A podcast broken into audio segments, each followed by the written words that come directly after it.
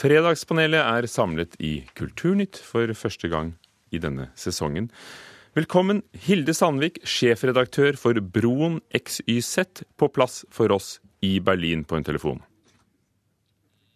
Er du der? Nei, hun er ikke der ennå, men hun kommer etter hvert. Knut Olav Åmås, direktør i stiftelsen Fritt Ord. Og Lene Løken, tidligere leder av Film og kino, med lang erfaring fra norsk kino- og filmliv. Vi God morgen. Vi begynner med første spørsmål.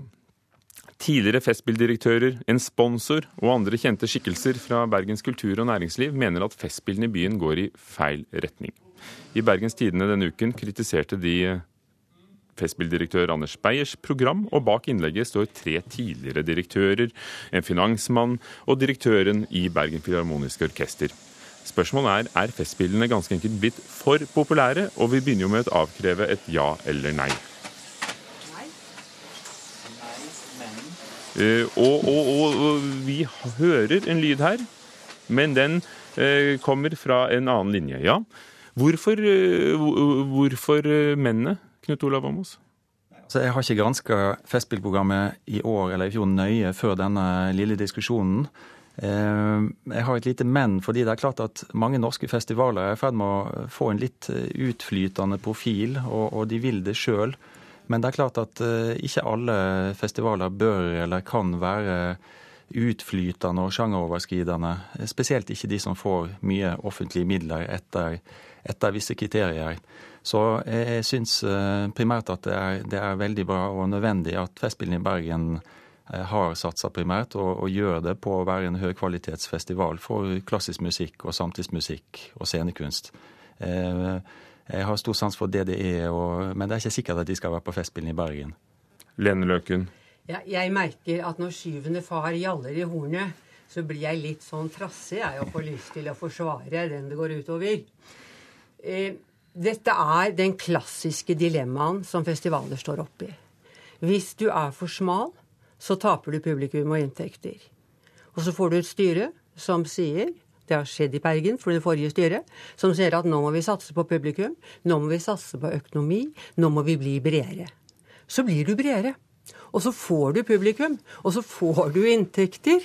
Men så kommer da syvende far i ordet og sier at nå er dette blitt for bredt. Nå har vi forlatt det som var den opprinnelige ideen med denne festivalen. Og selvfølgelig er det noe sant i det. Men dette dilemmaet mellom å være bred og tjene penger, eller være smal, konsentrert om noen felter, det er et evige dilemmaer som både festivaler og andre lever med. Det er jo et eh, sterkt innspill, og det er jo en samfunnsdebatt som vi ønsker velkommen fra, selv om det er sentrale tidlige ledere og noen av de som er med på å finansiere Festspillene i Bergen. Men eh, det skal også sies at Bergen og borgerskapet der er svært konservativt, og det er viktig at eh, en så stor festival som Festspillene i Bergen utvikler seg og innoverer. Det kan ikke bli museum og mausoleum og evige repetisjonsøvelser. Men eh, de som skrev kronikken, innvender jo også på litt eh, sviktende kvalitetstenkning, og det er spesielt eh, viktig for, for en festival som Festspillene i Bergen. Og jeg har jo tro på at når man greier å produsere noe virkelig godt, så, så, så, når, det også, så når det potensielt mange også. Det, det, det, blir ofte fokusert for mye på bredde versus det smale. Det skal være smalt? Nei, poenget er jo at det skal, være godt. Det, nei, det skal være godt. Og da kan man faktisk nå flere enn med noe middelmådig også. Hilde Sandvik, har du klart å holde deg? Fordi dette er jo midt i ditt felt. Du var jo inntil nylig kulturredaktør i Bergens Tidende og har vel diskutert Festspillene før? Ja, det har vi virkelig. Eh, er de blitt for populære? populær og populær. Altså, jeg, jeg eh, hørte bare litt av det som eh, Lene Løken sa her i stad. Altså nettopp forholdet mellom altså det å tenke publikum på denne måten og det å, å, tenke programmering. Jeg tror kanskje det ligger noen ting der, men for meg, der jeg har sittet, så har jeg syntes det har virka som om at strategien blir rett og slett for ullen. Jeg vet ikke lenger hva Festspillene er. Og det er et problem. Og man skal huske på det at Festspillene er da den eneste store festivalen igjen på statsbudsjettet. Det vil jeg tro følger med noen krav. Eh, noen krav som handler om f.eks. Om, om det nyskapende, som handler om kvalitet og som handler om det ene og det andre. I tillegg selvsagt så må det være en drivverdig festival.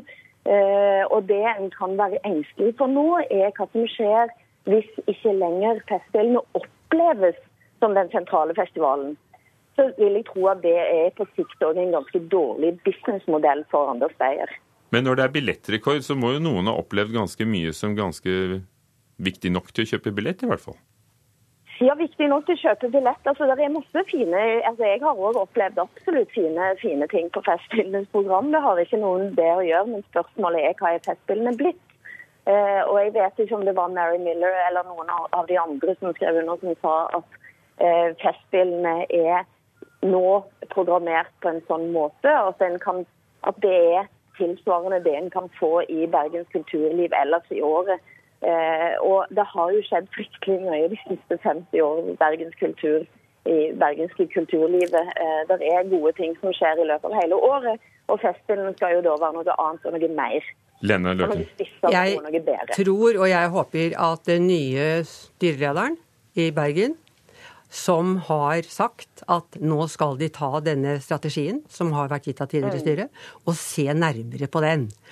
Så jeg tror at den debatten her, den fører til at det som eventuelt måtte ha glidd ut, det får man tatt inn igjen. Og den nye styrelederen er jo Magne Furuholmen. Mm. Og Festspillene i Bergen må jo gjerne bli mer populær. Altså, Det samla besøket på Festspillene er jo omtrent som en og en halv dag på Øyafestivalen. Men det Festspillene ikke bør bli, er populistisk. Dere, vi har litt tid til et tema til. fordi idet alle trodde at kampen var over, så er det ny mobilisering for det gamle Nasjonalgalleriet. Ansatte ved museet advarer mot at eh, Stein Erik Hagen, den kjente investorens kunstsamling, kan havne i utlandet hvis de ikke får bruke det gamle Nasjonalgalleriet til å vise frem f.eks. Hagens kunst. Har de tatt Hagens kunst som gissel for å få beholde det gamle museumshuset sitt? Hilde? feil spørsmål, holdt jeg få si. Jeg kan si nei først, da, så får vi se. Jeg vil si ja. Ja. Nei, det er klart at de benytter denne muligheten som de har fått eh, gitt på et sølvbrett. Eh, de ansatte har hele tiden ønsket, som mange andre, at Nasjonalgalleriet, det gamle bygget, skal bevares og brukes som museum for kunst. Så kommer Hagen med sitt tilbud om Kanika-samlingen. Og så fremheves det at det blir for lite plass totalt. Og ja, der har de saken. Her må det gjøres noe for å få beholde Kanika-saken. Hilde? Kanika. Hilde? Altså, jeg, jeg, leste denne kronikken med, med, mange, med, med mange tanker i hodet samtidig. Fordi at det som jeg syns òg har vært veldig rart, er en manglende eh, eh, ambisjon fra toppleder eh, rundt nettopp hva det er som man kan bruke Nasjonalgalleriet til. Jeg ser, og det la jeg merke til, han svarer i intervjuet med han, så svarer han at eh, det har ikke blitt veldig tydelig hva eh, Nasjonalmuseet skal bruke Nasjonalgalleriet til. Men det er det vel bare ett menneske som, som kunne ha gjort, og det er han, Audun Eckhoff.